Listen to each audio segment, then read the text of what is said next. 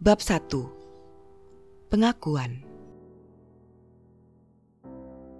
Jujur saja, aku suka berbohong. Aku pembohong alami dengan otak encer untuk membuat kebohongan dapat dipercaya. Itu tidak mudah. Namun, dengan gerakan tepat anggota tubuh, juga mimik yang mendukung, kata-kataku sungguh meyakinkan. Aku berbohong tentang apa saja, kepada siapa saja, kecuali mereka yang ada dalam daftar pendek.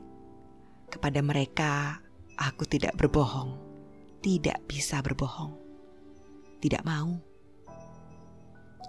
Aku berbohong bukan untuk ketahuan. Aku berbohong untuk lepas dari masalah. Dan aku berbohong lagi. Lagi.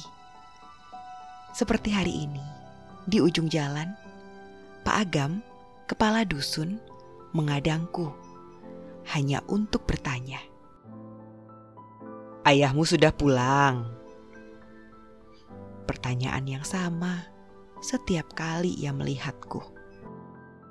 Aku tahu jawaban apa pun akan memancingnya bertanya lagi. "Oh, sudah, Pak, kemarin. Tapi tadi pagi sudah pergi lagi. Maaf, aku harus segera pulang, ditunggu nenek. Wus. Aku lari. Menjauh dari pertanyaan susulan dari masalah. Jujur saja, ayah tidak pulang kemarin. Tidak pulang kemarinnya lagi.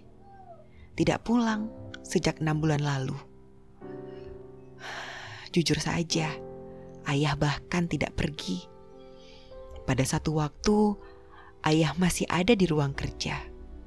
Menit berikutnya, tidak ada kosakata yang tepat. Bukan hilang, karena kalau hilang, ibu harus melapor kepada polisi. Ayah harus dicari sampai ditemukan.